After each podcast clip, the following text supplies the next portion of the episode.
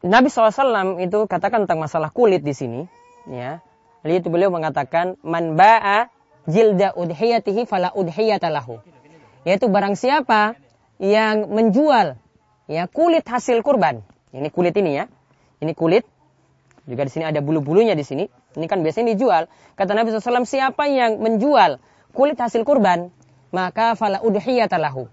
Tidak ada kurban untuknya. Jadi dianggap kurbannya itu tidak ada. Maka ada dua hal penting yang perlu diperhatikan dan ini yang biasa dilanggar oleh orang yang berkurban atau oleh panitia kurban. Pelanggaran yang pertama, mereka itu dengan sengaja menjual kulit.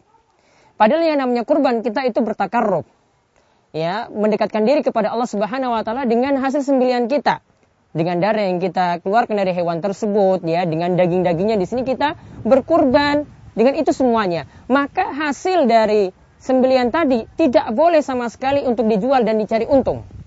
Ya, sebagian orang misalnya hasil kulit ini dijual kemudian dapat uang jadikan kas masjid, uang kas masjid. Atau kulit ini dijual, ditukar lagi dengan kambing, dibarter dengan satu kambing. Kulitnya misalnya banyak, ditukar lagi untuk satu kambing, ya, kemudian disembelih lagi mungkin untuk makan-makan panitia. Itu pun juga tidak dibolehkan.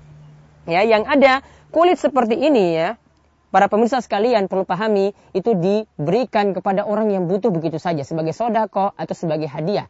Ya, tidak boleh sebagai upah juga bagi tukang jagal. Maka pelanggaran yang kedua yang dilanggar biasanya juga biasanya hasil dari sembelihan daging-dagingnya yang ada di sini, ya, daging-dagingnya yang ada itu juga biasanya dijadikan hak khusus bagi tukang jagal. Ini juga tidak dibolehkan. Jadi mereka cuma mendapatkan upah saja sebagaimana yang dikatakan oleh Ali bin Abi Thalib, upah dari uang saku suhibul kurban.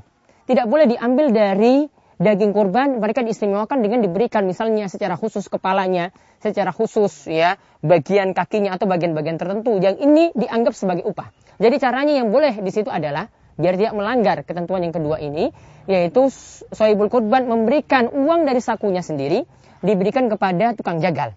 Misalnya dia untuk eh, kambing untuk menyembeli ya itu nanti kena biaya 50 ribu maka diberikan kepada dia 50 ribu. Kalau memang dia itu miskin dia diberikan jatah sebagaimana orang-orang miskin yang lainnya tidak masalah. Jangan dia itu diistimewakan. Jadi intinya di sini dua pelanggaran yang perlu diingat para pendengar sekalian. Yang pertama tidak boleh menjual hasil kurban terutama adalah kulitnya.